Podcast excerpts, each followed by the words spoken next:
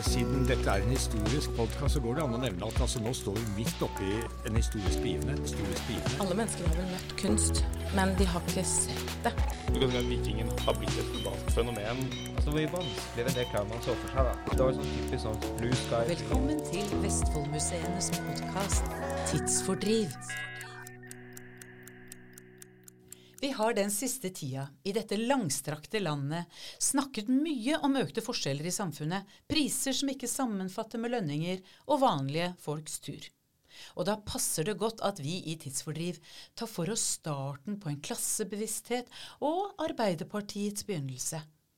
Med oss for å snakke om den utviklingen, sett fra et lite industrisamfunn i Vestfold, har vi med oss historiker og konservator Kasper Rogde Søyland.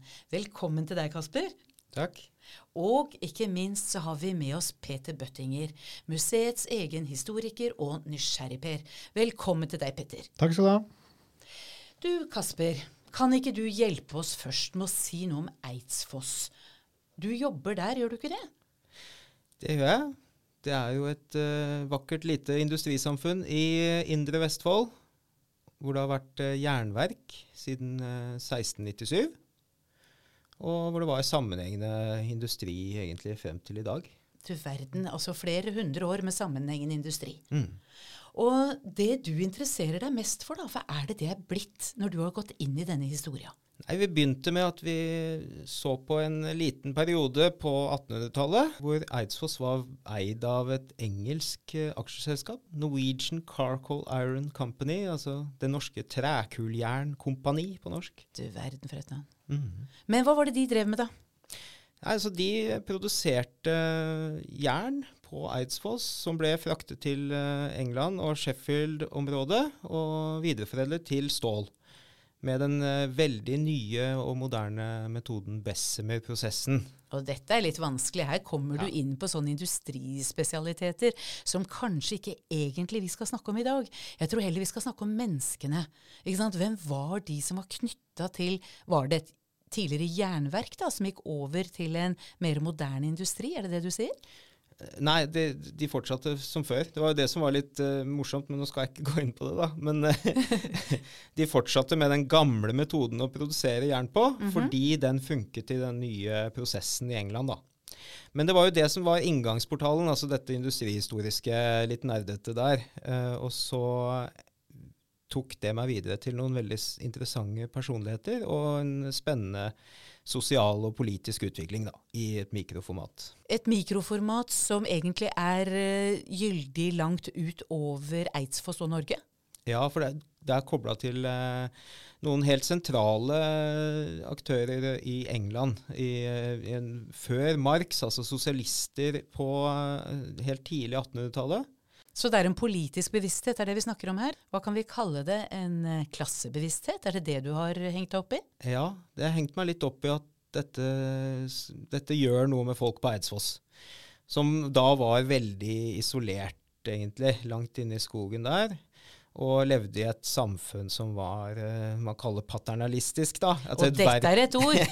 Paternalistisk. Peter, Ja. vet du hva det betyr? Jeg tipper at det har noe med far å gjøre. Det tror jeg òg. Ja. Hva sier du, Kasper? Ja, det stemmer det. Det var jo Altså, verkseieren så på verkssamfunnet som sin familie, eh, som levde i harmoni med hverandre, og hvor far var på toppen, og det var jo han, da. Alle visste sin plass. Alle visste sin plass, og viste respekt for sine bedrestilte, som det het. Respekt for de bedrestilte, så man var helt innforstått med det at noen har mer enn andre. Ja, og så måtte det være fordi ellers så ville jo ikke dette fungere. Og da ville jo eh, arbeiderne også miste sine arbeidsplasser, da. Og de var jo ganske privilegerte på noen områder. De hadde f.eks. et sted å bo som var ok, og de hadde en liten hage. og de hadde en del, eh, en del fasiliteter som industriarbeiderne i byene ikke hadde. Så Sånn sett så stilte de ganske godt, for så vidt. Jeg er litt nysgjerrig bare på når vi snakker om disse arbeiderne. Hvor mange er det det er snakk om her? Det er Størrelsen jo, på dette samfunnet. Ja, det er litt opp og ned, eh, men vi snakker et par hundre, eh, 250 kanskje, på tidlig 1800-tallet. Ja, Så ganske lite samfunn egentlig da, i moderne målestokk. Absolutt Mm. lite Men alle hadde noe å gjøre på verket. Alt hang sammen med verket. Så Var, var både kvinner og menn i arbeid? ja, til en viss grad så var kvinner også involvert i selve industriarbeidet. Mm. Men de hadde jo først og fremst sine oppgaver knytta til hjemmet da, og oppdragelsen av barn. Og oppdragelsen av barn var jo også viktig for Jernverket, som rekrutterte sine nye arbeidere fra barna til de gamle. Så hva er det da som skjer? Er det det at du får et eierskifte? Er det det som gjør at du får en mentalitetsendring, spesielt da på Eidsvoll, som vi kan spore? Ja, for det er morsomt med den engelske perioden at den representerer et brudd i dette her. Vi får inn noen uh, nye tanker, og de kommer via disse engelske eierne. Og kan du fortelle noe mer om det? For jeg tror ikke vi helt vet hva du snakker om nå. Nei, det er altså Før Marx så var det jo da eh, sosialisme i England, ganske utbredt. Og en av de viktigste tenkerne, da, det var eh, Robert Owen. Mhm. Han var industrieier, Mhm. eide en tekstilfabrikk i Skottland. Som han lagde et idealsamfunn i. Altså Han eksperimenterte med ideene sine, som han skrev masse masse om, mange bøker. Han var politisk aktiv eh, og hadde stor innflytelse i det engelske maktsystemet. Men i Norge på denne tiden så har, har sånne idealsamfunn så vi ikke i Norge. Nei, ikke, ikke på den samme måten. Nei. Og disse ideene var vel heller ikke så godt kjent her, bortsett fra at vi hadde jo Markus Trane, som var en fortsettelse av Mhm. revolusjonsåret 1848, som organiserte jo alt mulig husmenn og landarbeidere og, og industriarbeidere. Men det var jo få industriarbeidere i Norge. Det var jo ikke en så stor klasse som du hadde i England. Nei, nettopp. Så de hadde kommet mye lenger. Industri, industrialiseringen hadde jo startet mye før. Så det som da skjer, er at du får nye eiere på Eidsfoss, og faktisk så har da eierne her med seg sosialistiske tanker til Eidsfoss. Er det sånn å forstå? Ja, fordi William Pear, som okay. er direktør i dette Trekuljernkompaniet, han er en veldig nær venn og disippel, kan du si, politisk eh, av denne Robert Owen. Så han har også jobbet lenge for å spre disse ideene internasjonalt, og han eh, tar ganske raskt fatt på å spre disse ideene blant arbeiderne på Eidsfoss, og få de til å organisere seg. Og nå snakker vi altså 1860-tallet, så det er jo lenge før det vi kaller den organiserte arbeiderbevegelsen i Norge. Hvordan blir det tatt imot i de gamle strukturene på Eidsfoss? Ja, det kan man jo for så vidt eh, lure på. Altså, da var jo hele maktstrukturen endret. Sånn at eh, du hadde jo ikke dette det paternalistiske samfunnet som du hadde hatt. De gamle strukturene var jo endret. Blant arbeiderne så ble det jo godt mottatt. Eh, De hadde jo Altså norske arbeidere kunne lese og skrive, ikke sant. Ja, de har hatt mulighet til å gå på skole for å kunne stå til konfirmasjon. Ja. Så eh, skrivekyndigheten her var mye høyere enn eh, En i England. Ja. Så da finner denne William Pair han, han møter faktisk en arbeiderklasse som ja, Skal vi si at de, de er eh, ja, de er lesekyndige? Skrivekyndige? Lesekyndige, men de lever fortsatt uh, i gamle dager på den måten at de får jo ikke motta lønn i kontanter, f.eks. De mottar fortsatt lønn i naturalier og, og den slags. Og det kommer nå til en endring. Så Det er noe av det første han gjør. Han innfører kontant utbetaling av lønn, som er ganske nytt. Altså det skaper en helt annen frihet. Og det er også noe som ligger til grunn, det må man få på plass først, før man kan organisere seg i såkalte innkjøpsfellesskap, eller det som også kalles kooperativer. Og det er kooperativet som er den sentrale ideen her. Men det, dette med at, eh, at de får utbetalt lønn i kontanter, altså mer lignende hvordan vi får lønn i dag, eh, det engelske eierskapet gjør det til mer en, en, en ren arbeidsplass, hvor du får lønn for arbeidet, men tar jo litt vekk den samfunnsbiten av det. Ja. Har jeg forstått det riktig da? Ja, det, det tror jeg du kan si. Altså, du, du, det er jo et brudd med denne eh, verksfamilien, Mm. hvor alle får det de trenger, og yter etter, etter eh, hva de kan yte. Eh, du får hus, du får en hage, du får eh, alt du trenger av naturalier på uh, utsalget. Altså verket hadde da en eget, eh, eget utsalg hvor de kunne krite da på lønna som de fikk. Så dette var jo en slags altså, sikkerhet for familien òg. Så de kunne få det de trengte for den lønna han, eh, han tjente. Ja. Eh, Men med kontantutbetalingen av, av lønn, så får du jo en helt annen eh, frihet for arbeiderne til å investere. ikke sant? Og det er det som ligger sentralt i ideene til Per, at eh, arbeiderne skal gjøres om til kapitalister. Det er løsningen. Ja. Hvorfor er det løsningen? Nå må vi tenke på hvordan arbeiderklassen fremsto i England. Ja. Som en truende ny maktfaktor med masse mennesker som har det forferdelig vanskelig og dårlig, og som selvfølgelig da viser sin makt i 1848 med disse demonstrasjonene og revolusjonene rundt omkring i Europa. Vi har Pariserkommunen, ikke sant, ja, så får du det kommunistiske manifest ikke sant, i 1848. og så kommer det kommunistiske manifest. Så dette er en truende gjeng. Mm. Det borgerklassen lurer på, er jo hvordan skal vi behandle denne klassen på en måte som gjør at de bidrar eh, konstruktivt og ikke destruktivt. Og da måtte de inn i tankesettet som da den ledende klassen har, sånn at de snakker samme språk på en måte og vil det samme. Er det sånn å forstå? Ja, altså det er, man, man ser jo det at en gang så vil jo disse menneskene kreve politisk makt. Altså de vil jo ha stemmerett. Medbestemmelse, ja. Ja. Mm, -hmm. Og da er det sånn som William Pear og Robert Owen, de er jo imot eh, stemmerett for alle med en gang. De må innom noen nivåer her først. De må på en dannelsesreise. De må kultiveres, altså. De må kultiveres, og de må forstå hvordan kapitalismen fungerer. Det er noe av det mest sentrale her. De må gjøres til økonomiske mennesker som forstår den økonomiske rasjonaliteten. Ja, akkurat. Ut fra deres perspektiv. Ja, Så Ikke dette sant. blir jo også kalt for rasjonell sosialisme. Ja. For det er rasjonaliteten som, som er sentral, og det er det jo i det engelske samfunnslivet på den tiden. Men reagerer arbeiderne slik Per har ønsket seg? De danner i hvert fall en kooperasjon, da, et forbruks, mm. en forbruksforening, som det blir kalt. Og det er en av de første i Norge som eh, blir dannet eh, etter de prinsippene her. Etter de som kommer fra Owen, og som var de sentrale prinsippene for det som kalles for Rockdale-initiativet, altså Rockdale-pionerene okay. i den lille engelske industribyen Rockdale. Der satte de ned noen prinsipper, og der var det demokratisk, altså én stemme. Én mann og én stemme. Mhm. Ikke en kvinne. Nei. Nei. Eh, Jeg vet ikke om det var vel Kvinner kunne vel være med der òg, men eh, det var i hvert fall hver mann én stemme. Mhm. Og eh, så var det det at de skulle ha et utbytte, altså du fikk utbytte på hvor mye du hadde handlet. Så, hvis, oh, ja. ja, så de som handlet mer, de fikk mer av profitten, da. All profitten fra, fra butikken skulle gå tilbake til arbeiderne etter at eh, utgiftene var betalt. Dette skaper jo på en måte en slags kon- konkurranse arbeiderne imellom, da. Ja, men det utjevner også noen av, eh, noen av forskjellene. For det hjelper jo da de som har mindre midler inn i dette her, og, og hjelper de til å få billigere matvarer. Så kjøpekraften til de med mer midler hjelper de med færre midler. Så det er noe av tankegangen, at markedet liksom fungerer til beste for arbeiderne, da.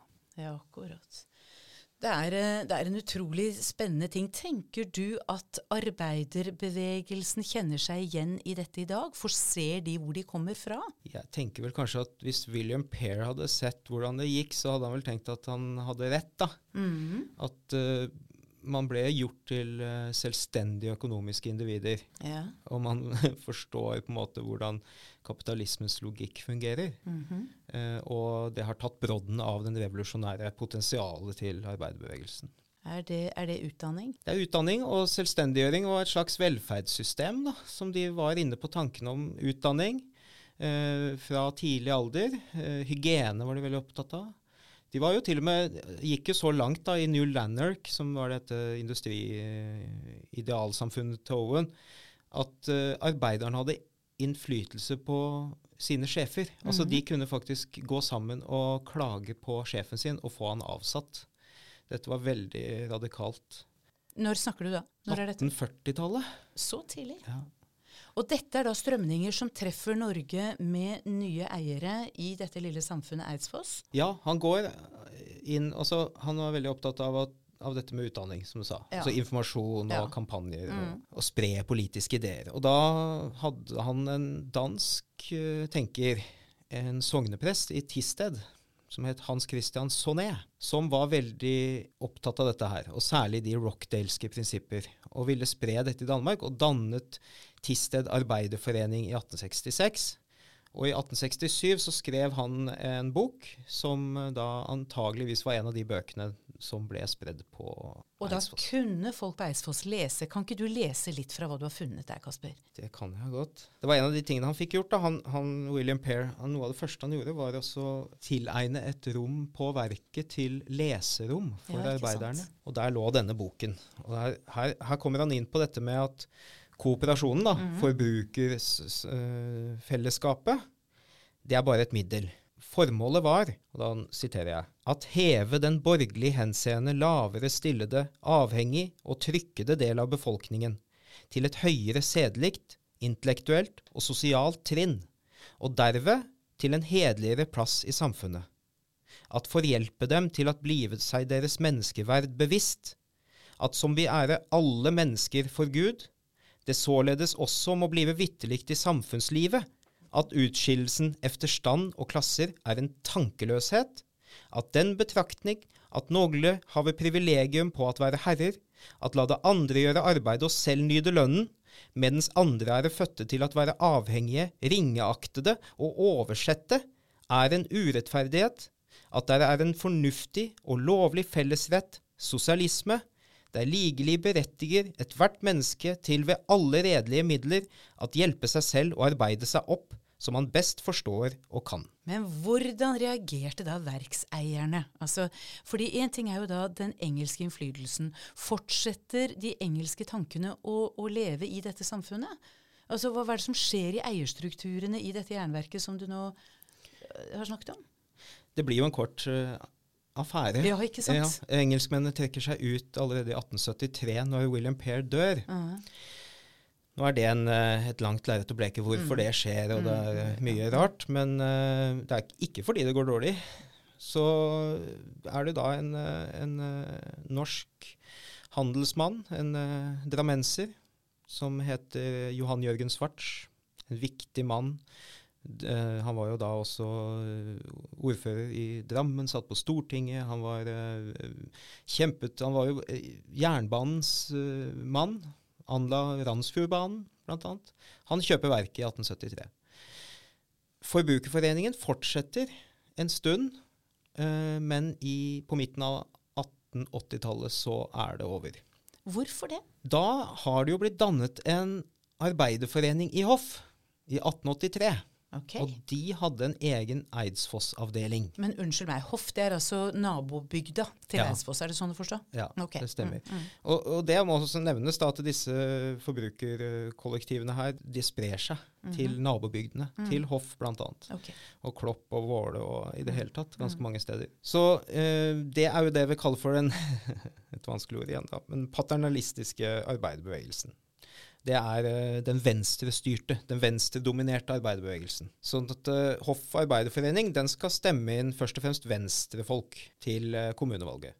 Ja, for nå snakker du nå om politiske strukturer, så vi har kommet dit i Norges historie Mm. at vi får demokratiske valgte eh, forsamlinger. Ja. Mm.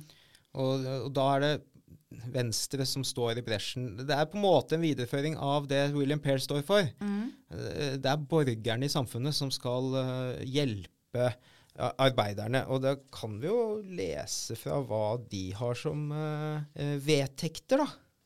Altså med Det jeg lurer på, Kasper, altså det vi da snakker om her i dag, vi snakker om en klassebevissthet, vi snakker om et arbeiderparti. Og noe av det du har vært innom nå, er at eh, disse tingene kommer fra eng eller betydelig engelsk innflytelse og kommer til Norge. Så hvor, hvor, er, hvor er bevegelsene, bevisstgjøringen hos den enkelte, da? Ikke sant? Altså, de velges inn, som du sier, men, men det må jo være noen strukturer som har lagt grunnen for dette her, da, liksom, som godtar det? At vi får en endring i samfunnet?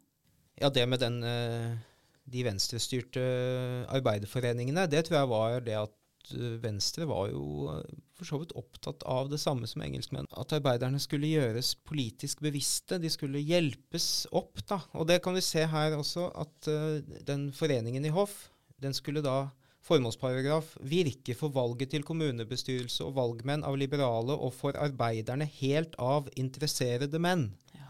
Men det var jo ikke arbeidsfolk. De kunne jo være med, men det var jo venstrefolk som skulle hjelpe arbeidsfolk. Og det er jo den sosialliberalismen som begynner å prege Venstre på 1880-tallet. Dette her er så viktig del av en bevisstgjøring av den store gruppen arbeidere Mm. i Norge. Og hva er det da som gjør at de, at de beveger seg videre og går da Altså, lever disse kooperativene hele veien opp? Jeg tenker jo umiddelbart på Coop-en på hjørnebutikken min, liksom. Men det er jo ikke det vi snakker om her. Nei, vi snakker om en helt annen altså, vi, vi snakker om forløperne til den organiserte be arbeiderbevegelsen. da. Ja. Fordi at disse kooperativene, altså forbrukersammenslutningene, skulle ikke bare sørge for billigere varer til arbeiderne, den skulle også jobbe for arbeidernes stilling, og den var styrt av arbeidere.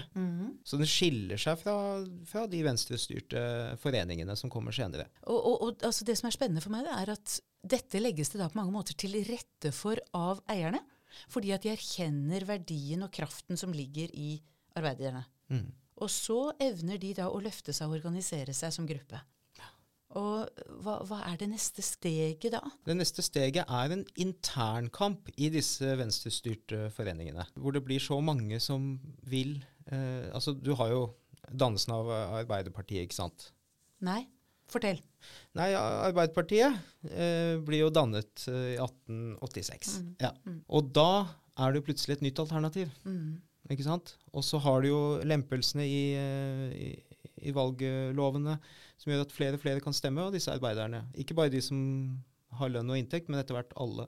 Men det som leder opp til dannelsen av Arbeiderpartiet, Mm. det er altså utspringet fra kooperativene, tenker du? Ja, det, har jo en rolle det òg, i Ja. hvert fall på det med bevissthet. Ja. Og jeg tenker på Eidsfoss, så tenker jeg jo det at dette starter noen tankeprosesser oppi huene til de folka som er med. Ja, ikke sant? Og at det er retten Mm. til deltakelse, ikke sant? og at du ser deg selv som en som kan bidra, eh, og at du våger å delta. Våger å delta, våger å, å, å lede og organisere dette her selv. Mm, Uten å stole på de Verkseier. bedrestilte. Ja, Ja. ikke sant. Nettopp. Og at de vil deg vel. Altså Det er jo en endring i mentalitet her, da. Fra det at du, du, du stoler på at samfunnet vil deg vel, til at eh, vi tar tyren ved hornene og, og sørger for endring. Ja, fordi vi vet hva som er bra for oss. Ja, Dette må vel ha variert veldig fra eh, holdt på å si, eh, industri til industri. For det var vel ikke noe lovfesta at sånn skal ting være organisert. Sånn at eh, det at du fikk lov å ha en sånn kooperativ, at det var litt prisgitt at fabrikkeieren da, tillot det. ja, jeg tror ikke det hadde skjedd hvis ikke vi hadde fått det engelske eierskapet på Eidsfoss. Eh, med norske eiere på den tiden, som var i en helt annen eh, kultur, altså. Og Johan Jørgen Svarts tror jeg nok ikke var eh, spesielt begeistret for dette. Så, så om det Så hvordan møter han det? Hvordan møter han Nei, Svarts? det, det? det er vanskelig å si. Men han lar det jo være, da. Mm. Han lar det jo holde på. Og det er vel sikkert uh, også litt strategisk. Kommer inn oss som ny eier, og så har du en, noen strukturer her som du Det er kanskje ikke det første du begynner å gjøre noe med. Nei, for tvert imot så ser det ut til at Schwartz f.eks. da bygger forsamlingslokale for dem. Han prøver jo, så vidt jeg kan forstå, å møte det fra sitt perspektiv. Da. Ja, nå hoppa du litt frem. Okay, men, eh, for da hoppa du litt over det at uh, arbeiderne da bestemmer seg for å gå vekk fra den venstre dominansen og danne en forening som skal melde seg inn i Arbeiderpartiet. Ja, for ikke sant, her er det nyanser på venstresida som er for vanskelig på en måte. Altså Man skal være ganske god i politisk historie for å forstå disse avskygningene. Ja, men det er, i hvert fall, det er jo en direkte trussel. Mhm. ikke sant? Da er det ikke lenger borgerklassen som sitter ved roret. Mhm. Fordi eh, den foreningen på Eidsfoss den ble jo beskyldt på 1890-tallet eh, av andre av arbeidere med en mer en sosialistisk tilnærming til å stemme for høyrepolitikk. Så her hadde nok verkseieren en ganske sterk uh, føring på den foreningen. Men når de bestemmer seg for at vi melder oss rett og slett ut av Venstre og inn i Arbeiderpartiet, da har vi jo en, en helt autonom arbeiderbevegelse. Det er jo en direkte trussel. Og det er da han bygger det forsamlingshuset. Det er jo på Ah, måte... ja, nei, jeg skjønner. For å møte da det som han ser at nå vokser det frem en, en, et pressgruppe her, Ja. som han må forholde seg til. Bygge bad og legge inn strøm. og Ja. Det er mange sånne ting da, som er eh, strategier i det vi kaller sosialliberalismen, da, som skal demme opp for de eh, revolusjonære tendensene. For det er jo ikke bare han som gjør det, gjøres jo da mange steder. Ikke sant? At man legger til rette for de som jobber hos deg. Ikke sant? Fra som du sier, fra et sånn faderlig perspektiv, kanskje. Ja. Og så får det en utilsiktet virkning, eller tror du det, det roer sinnene? At de er i balanse i disse samfunnene? For meg så jeg må si det, det slår meg litt som jeg, det Kanskje jeg ser litt kynisk på det, men at det er sånn der for å blidgjøre sånn hele tida holde de litt nede. At eh, OK, da jeg skal gi dere dette, så holder dere fred fram til Ja. ja. Det er jo det som ligger i sosialliberalismen, at eh, de anerkjenner at her må vi gjøre noe for å bedre deres kår, for å stilne kritikken. Mm. Men de er liksom ikke villige til å, å på en måte la de organisere seg og ta det helt ut, da. Jeg tror at arbeiderne tar det positivt imot. når jeg begynner å altså Det er jo hans kone, da, Trine Svart, som donerer pengene. Hun var født anker, hadde penger. Så hun donerer pengene. Det er jo arbeiderne som bygger det. Vi snakker nå om denne hallen, forsamlingslokalet. Ja, sånn at Det er jo sikkert en optimisme da rundt dette prosjektet. Her kan vi diskutere og, og holde politiske foredrag osv. Så, videre. så det er jo sikkert et lite sjokk da, når eh, bruken av dette huset kommer på plass. Ja, for, du, for de fikk ikke lov til å bruke det til politiske møter, f.eks. Nei, det er veldig eh, interessant det der. Herved meddeles at når jeg, Pål L. Schwartz, går med på bygging av et samlings- eller festivitetslokale her på Eidsfoss, og når jeg, hans hustru, Trine Schwartz, født Anker, herved har den fornøyelse å tilby verket et privat bidrag hertil, stort kroner 2000, 2000 kroner, så skjer dette på følgende betingelser. Vi ønsker at lokalet først og fremst må bli et sted viet til glede, hygge og hva dermed står i forbindelse, så vel for eiere som arbeidere. Dermed ønsker vi at også må bli et sted skikket til å befordre utdannelse, således at foredrag og diskusjon si tende til å løfte arbeideren på kulturens trinn, og likemedes til at o fordre ham timelig som åndelig velferd alltid må tillates. Derimot ønsker vi at politisk diskusjon, agitasjon og foredrag, samt alt hva der kan skape ufred og uhygge, må være bannlyst. Herunder innebefatter vi alt som kan være egnet til å nedbryte vår kristne tro, moral eller samfunnsorden, samt sekteriske foredrag der kan forvirre sjelene og avstedkomne ulykker, som de ny i samsvar hen. Disse betingelser ønskes innført i det reglement der hun ferdes for aftenbenyttelse av lokalet, i det vi selvfølgelig forutsetter at dette reglement vil fastsette oppfyllelse av alle de fordringer til nøkternhet, renslighet, anstendig og veloppdragen oppførsel som kan forlanges av et sivilisert menneske. Blødigst Trine Schwartz, født Anker, og Pål L. Schwartz.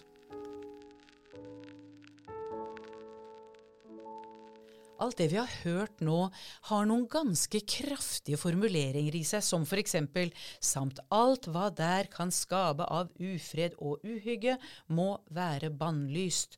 Med andre ord, verkseieren tar en ganske betydelig bestemmelse over hva de skal bruke denne hallen til.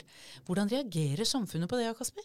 Nei, altså Her blir det jo helt eksplisitt sagt at politisk diskusjon, agitasjon og foredrag og uh, blir, blir satt i sammenheng med det du sa, ufred og uhygge, og det må være bannlyst. Det kan ikke sies tydeligere at vi, vi vil ikke ha noen av disse uh, nye eh, revolusjonære ideene inn her. Nei, Så ytringsfrihet er ikke noe. Nei. Og jeg tror nok de følte seg ganske bundet av det. altså at de, de skjønte med en gang at selv om de hadde vært sikkert positive til byggingen av dette her, at de skjønte at uh, dette er ikke et hus for oss. Det er jo en herlig holdning også, det at uh, foredrag som kan uh, forvirre sjelene. Det er det synet på andre, andre, mennesker på en måte at nei, uff, nå har de blitt forvirra. Nå har de vært og hørt et foredrag om det ene og det andre, og så har de begynt å ha egne meninger, og da er de så forvirra. Stakkars. Det er litt den holdningen. Mm. Men det vil de da ikke slippe løs for. ikke sant? Det vil de ikke tillate. Nei. Og så tar da arbeiderne De sier at det går vi ikke med på. Vi vil ha noe annet her. Ja, og nå Når dette er bygget, så har jo da nylig eh, Eidsfoss eh, Arbeiderforening meldt seg inn i Arbeiderpartiet. Ja. Så, og de, på den tiden så var jo det Det var jo ganske eh, Revolusjonært. Revolusjonært, Ja. ja. Det var jo det. Nei, altså, her, her ser vi jo på en måte et gjenskinn av denne holdningen som engelske sosialister hadde. altså dette med at eh, arbeiderne var ikke modne for å ta, den, ta over makta. Eller få del i makta. Så Det er jo en ovenfra og nedad-syn her som er ganske påtagelig. Ja, det er nesten som de, de skal liksom passe på de. Så at, Ja. ja. men da blir dere forvirra, vet du, stakkars Ja, dere. Så dette skal dere få slippe, på en måte. At, uh, Bare driv med det dere er ansatt til å drive med. Ja, ja. Eller, eller hva, så, så hva gjør de? Ja, nei, jeg tror at de, de hadde absolutt et, en, en, en um, tanke om at dette huset skulle brukes til dannelse. Mm. Uh, og, men ikke, ikke den type dannelse. Nei, Man skulle lære seg litt dans og sånn, kanskje? Ja, kanskje lese litt uh, høyverdig litteratur. Men ikke politisk? Ikke så, ikke, I hvert fall ikke sosialistisk. Og hvem skulle bestemme hvor grensen går? Mm. Så jeg tenker at eh, her vet vi jo ikke, da, men her må, har det nok vært noen eh, konfrontasjoner. Kanskje mm. Trine Svarts har vært innom på et møte og fått eh, rett og slett eh, bakoversveis hva som ble Ja, At hun møtte er hverdagen. At hun så plutselig at de var en kraftfull gjeng som hadde helt egne meninger. Ja, det kan tenkes at de ikke hadde helt fått med seg hvor langt det hadde gått eh, de siste årene. Hvor årene. de var. Ja. Mm. Så hva gjør de? Nei, så det, det som skjer er at de ganske umiddelbart, det er sånn tre år etterpå, 20, nei 1912, 2012, 1912 så ser de at uh, i protokollene til uh, foreningen, da Arbeiderforeningen, uh, har gått til innkjøp av tomt i Orvika, altså på andre siden av, av den lille vannet, delen av vannet der som omkranser Eidsfoss. Og hva skulle de bruke den tomta til, da? Der skulle de bygge et eget hus. Hvor det det, ikke var de samme strenge reglene. Ja. Der kunne man lese hva man ville. Og, Der man kunne lese akkurat hva man ville. Og det fikk de da finansiert etter en god stund. Og i 1931 så sto huset med det megetsigende navnet, kan vi si, Varden. Varden, ja. Ja. Det er- strekker seg opp mot noe og opplyser, Ja. sannsynligvis. Men uh, Kasper, jeg lurer på den historien her da, om en bevisstgjøring av et lite samfunn. Det sprer om seg, og jeg vet at en av nabokommunene der nede, Eiker er en av de tidlige Arbeiderpartistyrte kommunene. Har dette tradisjonelt vært et, eh, hva skal vi si, et rødt område av landet? Det har du jo, og det er jo eh, særlig tilknytning til eh, Drammen, da. Ja. Ikke sant? Hvor du har de første eh, arbeiderforeningene, og Markus Trane sto sterkt. ikke Mhm. sant? Du har, jo eh, en del, du har jo et tidsskrift som kommer ut der som blir viktig. Og vi ser jo også det av kildene at eh, Vestfossen, der, der blir det dannet en arbeiderforening tidligere enn enn på Eidsfoss. Og de, har, de reiser til Eidsfoss, og der er det så det, så det er mye mening, altså det er mye utveksling av ideer eh, på, over, over Eikeren der og over uh, til Drammen. Og det henger jo sammen med at uh, Eidsfoss Verk også er et sterkt integrert i Drammen. ikke sant? Det er der eh, produktene går ut. Og gruver i Konnerudgruvene er jo tilknytta verket, osv. osv. Så det er en bevisst arbeiderklasse i dette området? Ja. Mm. Har det fortsatt? Er det sånn i dag? Ja, man kan jo sikkert uh, trekke noen uh, likhetstrekk til, uh, til Eidsfoss i dag. Og se at det har vært en veldig bevisst gjeng der oppe i forhold til det med å bevare denne historien. da. De er stolte. Veldig stolte av stedet sitt, historien sin, og, har spilt en aktiv rolle i å ta vare på det. Men hvis vi skal tenke arbeiderbevegelse, har arbeiderbevegelsen forandra innhold fra disse tidlige samfunnsanalysene til hvordan vi ser det i dag? Ja, arbeiderbevegelsen har vel kanskje blitt, uh, blitt sagt mange ganger, da, men blitt et offer for sin egen suksess.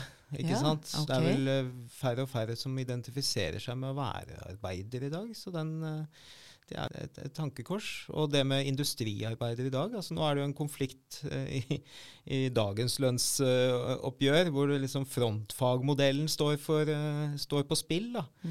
Frontfagmodellen er jo at industriarbeiderlønna for eksportindustriene skal være ledende for oppgjøret i andre, andre bransjer og det offentlige. Og nå er det på en måte de offentlige ansatte som føler at de har falt eh, bakpå. Ja, Og ting forandrer seg. og da er det gøy å tenke på hvordan disse borger, eh, borgerne på 1800-tallet var lærere og prester og sånn. Nå er det de som sitter ved, ved enden av bordet. Ja, ved enden av bordet, eller er det det at vi rett og slett sitter ved bordet sammen? Vi gjør jo det i mye større grad da, Mhm. enn vi gjorde den gangen. Ja. Men konflikter er jo, er jo der, selv om de er små. Ikke sant? Ja, absolutt. Men jeg tenker også at det er jo interessant hvordan historien da forteller oss om bevegelser i samfunnet, og hvordan eh, retten til deltakelse, da. Og la din stemme høre. Anerkjennelse syns Ja. jeg dette handler om. Mm. Altså det å anerkjenne at eh, folk må få lov til å eh, tale sin egen sak. Og i Mhm. dag så kan du jo kanskje snakke om det i forbindelse med flyktninger, transpersoner I det hele tatt. Altså vi, folk vi mener mye om. Mhm. Men jeg tenker også litt at det at vi, som du nevnte, at vi sitter ved samme bord, da, at det er litt takket være disse bevegelsene. som på en måte har løfta det fram, selv om det nå er andre grupper som du sier, som sitter på den enden av bordet, som vi har brukt her. Men, eh, men eh, at det at det på en måte, man har en idé om at, at altså et fellesskapsideal, da, og det, altså velferdsstaten, rett og slett, at det på en måte kommer litt fra disse foreningene.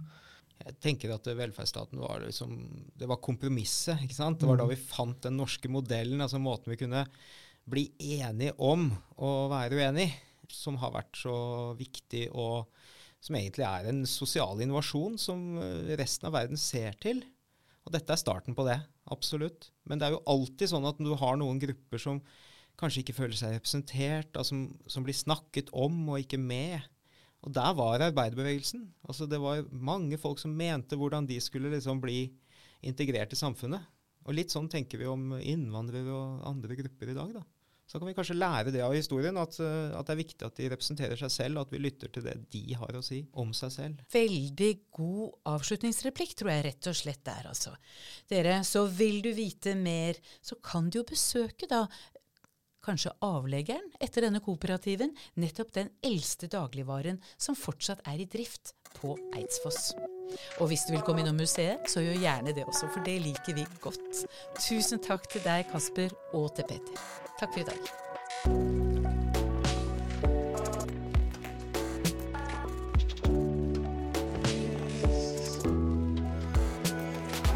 Denne episoden er laget av produsent Susann Melleby, lydtekniker og klipper Jon Anders Øyerud Bjerva, Petter Bøttinger og meg, Ellen Aspelin. Tidsfordriv er en podkast fra Vestfoldmuseene. Ønsker du å kontakte oss? Send en e-post til kommunikasjon at vestfoldmuseene.no.